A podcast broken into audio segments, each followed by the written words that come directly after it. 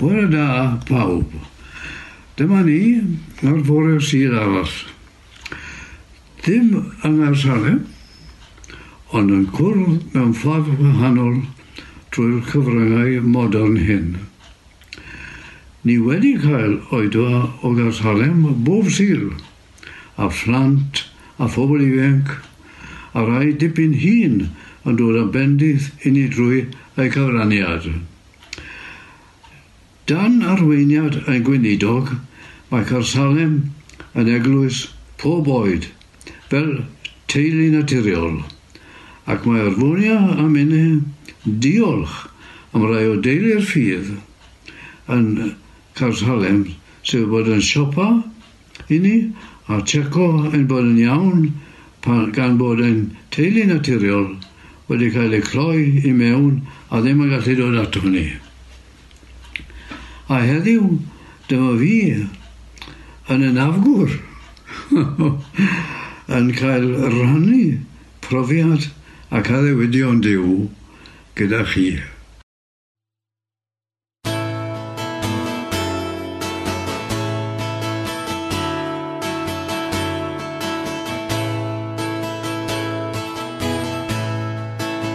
Awr oedd Crist yn agwyddoldeb mawr yn gwisgo natur dyn.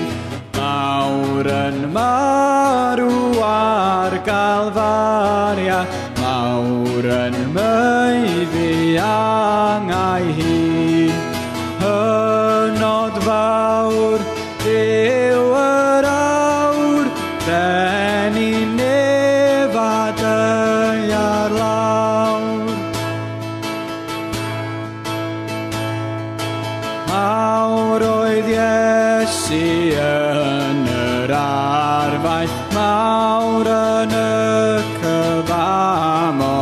ffydd Mawr y methle ma chalfaria Mawr yn dod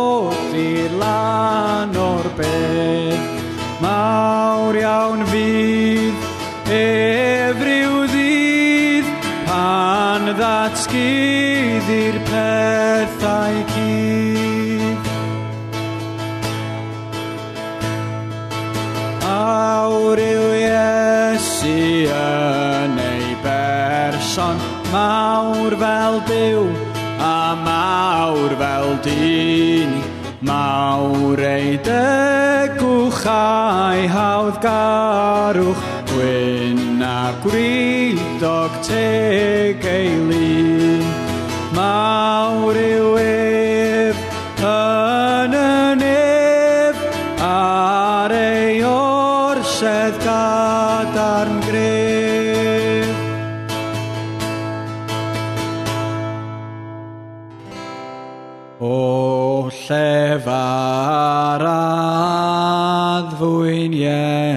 Iesu, mae dy eiriau fel y gwyn. O llyndwyn i mewn dangnefedd ac sydd o anfeidrol rin. Mae holl leisiau'r greadigaeth holl ddeniadau cnawd a byd wrth dylais hyfryd a'r tawel yn y distew a mynd yn byd.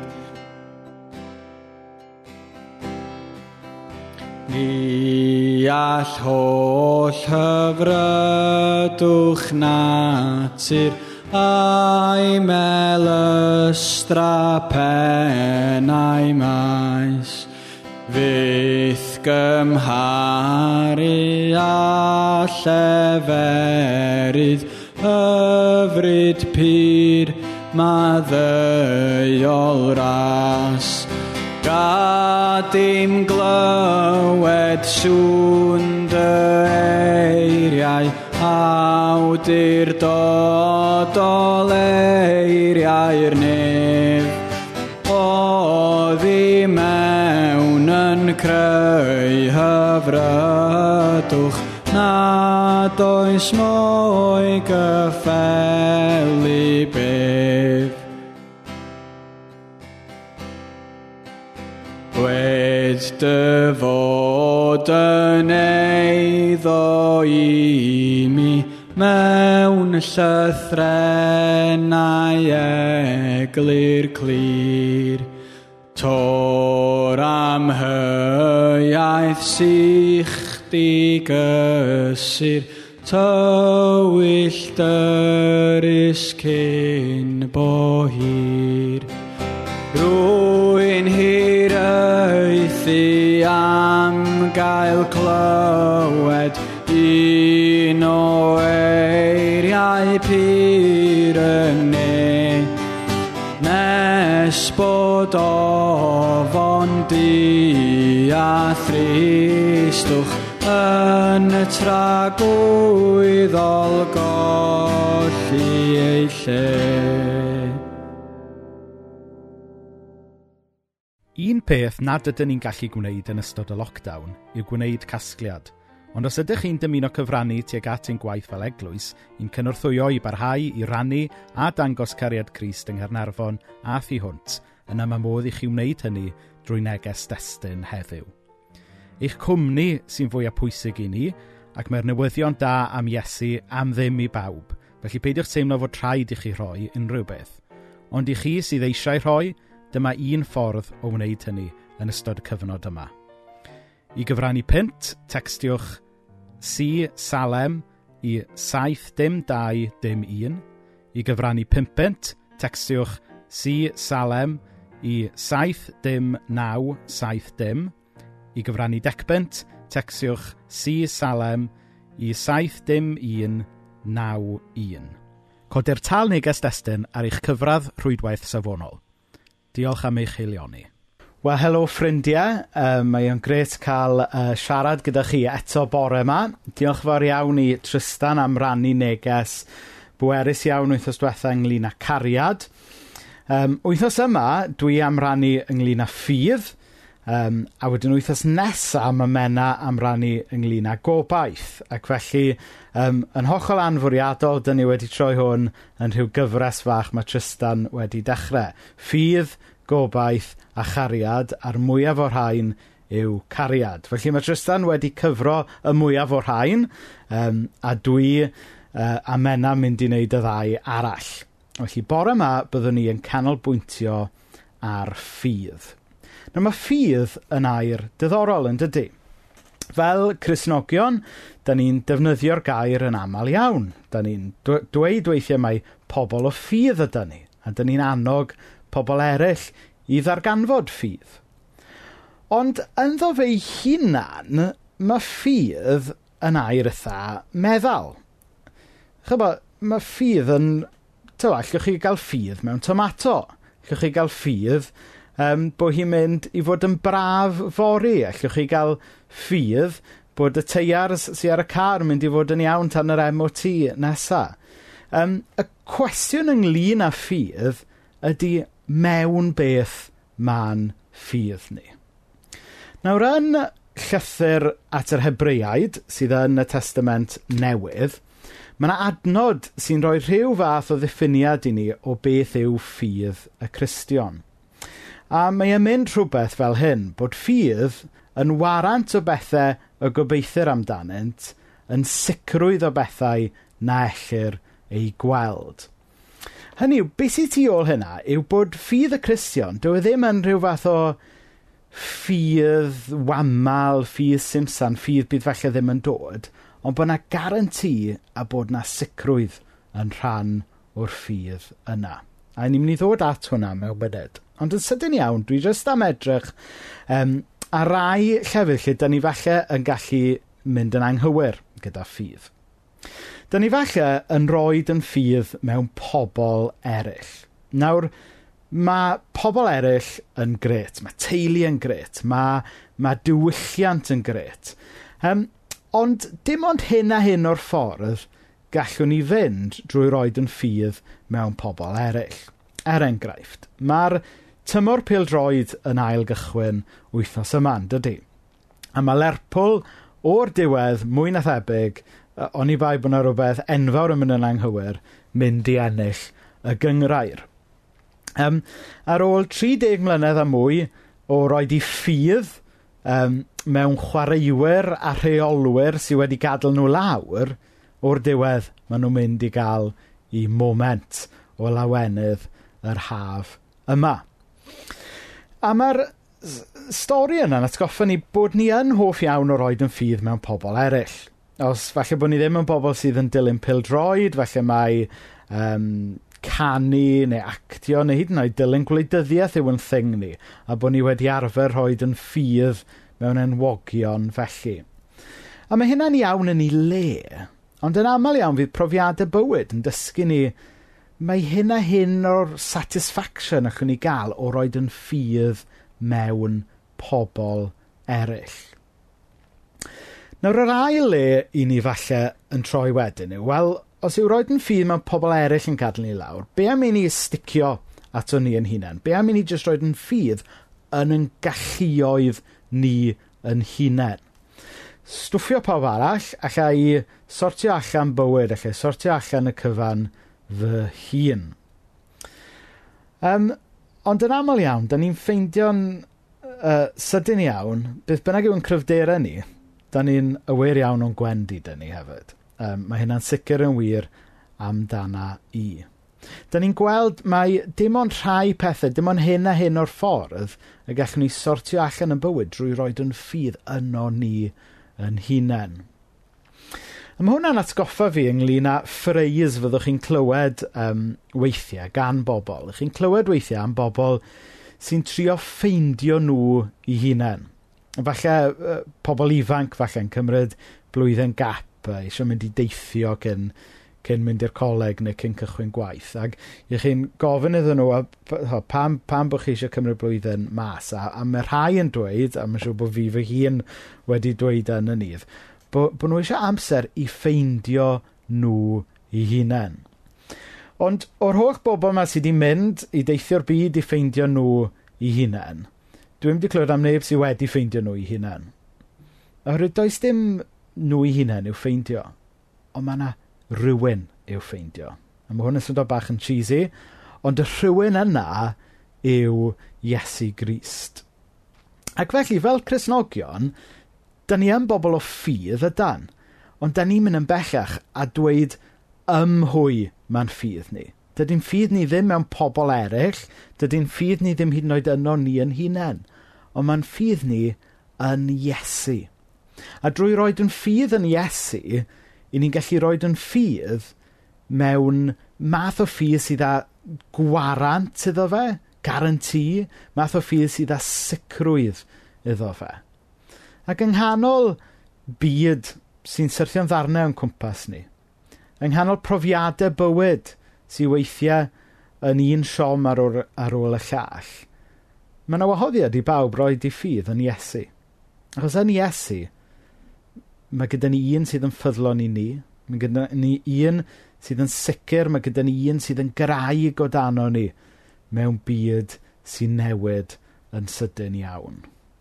Felly tro nesaf fyddwch chi'n clywed rhywun yn dweud ffwrdd â hi bod, bod ganddyn nhw ffydd.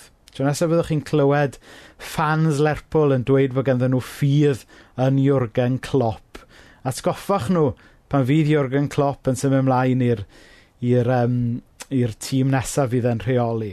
Pan fyddwch chi'n clywed rhywun yn dweud bod ganddyn nhw ffydd mewn uh, rhyw wleidydd, boed yn Joe Biden neu um, pwy bynnag, atgoffwch nhw pan fydd Joe Biden yn symud mlaen. Yr un person y gallwn ni roed ffydd ynddo fe sydd ddim yn gadael ni lawr, sydd ddim yn symud mlaen, sydd ddim falle ddim yn delifro'r hyn mae e'n addo, yw Iesu. Yn Iesu mae gyda ni un sy'n caru ni, mae gyda ni un sy'n derbyn ni, mae gyda ni un sydd â gair y gallwn ni gredu ynddo fe. Felly, ffydd, gobaith a chariad ar mwyaf o'r rhain yw chariad, ond bore yma, da ni wedi sôn am ffydd. Na mae Dennis am orffen bore yma drwy rannu mwy gyda ni ynglyn â be mae ffydd yn Iesu yn golygu iddo fe a be allai fe olygu i chi os ydych chi bore yma'n rhoi eich ffydd yn Iesu. Iesu, Iesu, rwy ti'n ddigon, rwy ti'n llawer mwy na'r byd. Mwy trysorau sy'n dy enw Na thrysorau'r indiau gyd. Oll yn gyfan Oll yn gyfan Ddaeth i meddiant gyd am dim gwydd dy wyneb grasol yn rhagor i llawer iawn ar bob peth a welodd llygaid ar hyd wyneb dy ar lawn. Roedd sy'n saron, Rost sy'n saron, Ti yw tegwch nef y nef. Cyfnod rhyfedd ac anodd ydy'r misoedd diwethaf yma wedi bod. Rhyw haint o nadw wedi golygu ein bod dan glo yn ein cartrefi haint anweledig yw e, fel y gwynt, ac wedi dangos i awdurdod a'i rym dros y byd yn gyfan. Mae hyn yn dod â ni at rhywbeth canolog iawn, sef brwydi'r bywyd. Ni gyd mewn coleg, coleg profiad. Yn ystod fe ieuenctid, rhaid i mi gyfaddu bod bywyd wedi bod yn frwydi'r galed i mi. Dwi'n diolch i mi gael fy magu yn, o dan ddaranwad ar y fengil a mynd i'r capel, da'r gwaith ar y sil, fel pawb arall yn yr pentre, bron yr adeg hwnnw, a chlywe pregethiau nyrthol. Mi fedra i ddweud nad ydw i eisoes erioed wedi am ei bodolaeth yw. Ond doeddwn i ddim mewn perthynas personol gydag e. Ond un diwrnod fe ddes i yn ymwybodol o bersonoldeb y sanctaidd Dyw. A thrwy ras, mi wnes i ddod i brofiad o Ddyw mewn meddeiant yn Iesu Grist ac aberth y groes yn dod yn real i mi. Mi wnaeth hyn wahaniaeth mawr i mi yn wir newid sylfaenol. Des i drwy lygad ffydd i weld bod yr arglwydd Iesu yn unigryw a byth yn y jomi. Wedi, ydy, wy'n gallu dweud na, achos wedi brofi fe yn ystod y daith ma, a wedi byw yn ddoe. Mae, e, mae ar ben i hunan i'w llaw pawb. Fedrwch chi byth ar oe mewn dosbarth a'i gyrriad e yn unigryw. Fel y dywed, y dywediad Saesneg, the expulsive power of a new affection. A mae hwnna'n tarfu yn ddwy fol yn y trygwyddol a mynwys y tad. Dyma a ddewidion yr arglwydd Iesu i'w ddisgyblion cyn wynebu o Croes Calfaria. Yr wyf yn gadael i chwi dan nefydd. Ac hefyd, yn y byd, gorthrymder ag ewch. aeth o'r cymerwch gosir. Mae fi a'r chwagais y byd. Diolch. Mae'n mae mae naw roi tri ffyrdd. A dyma nhw, ei dangnefedd, i gysur, a'i fuddugoliaeth. Ac mae fuddugoliaeth yn broffwydol. Mae, mae i ni nawr, mae'n ffaith. Ond, a mae wedi gael y fuddugoliaeth, ac wedi concro'r beth, ac wedi atgyfodi, ac wedi esgyn. A nawr, gan bod hynna'n wir, felly, yn ein cartrefi heddiw nawr, diolch. Diolch nawr. Am y leini na, gallwn ni brofi i gariad e. Sydd ddim yn newid y gwbl drwy gwyddol. A di diolch hefyd yn y cartrefi, gallwn ni brofi bresenoldeb. Mae gyda ni. Mae llon bob lle ac yn bresennol yn bob man. Diolch yn tefe golchi ti yr holl alluog ddiw. Am yr efengil, am yr efengil, am yr efengil sain.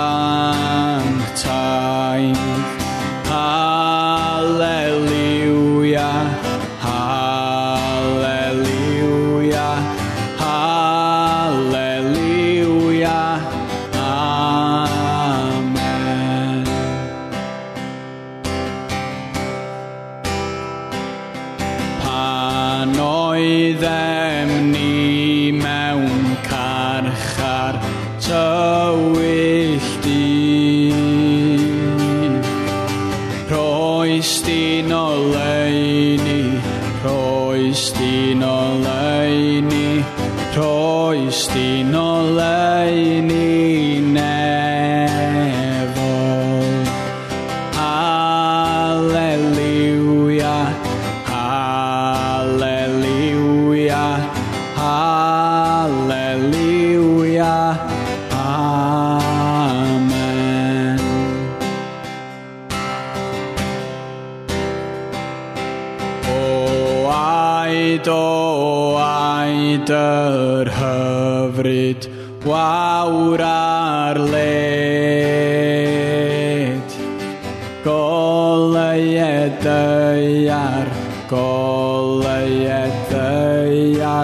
kollayet the yarlatan.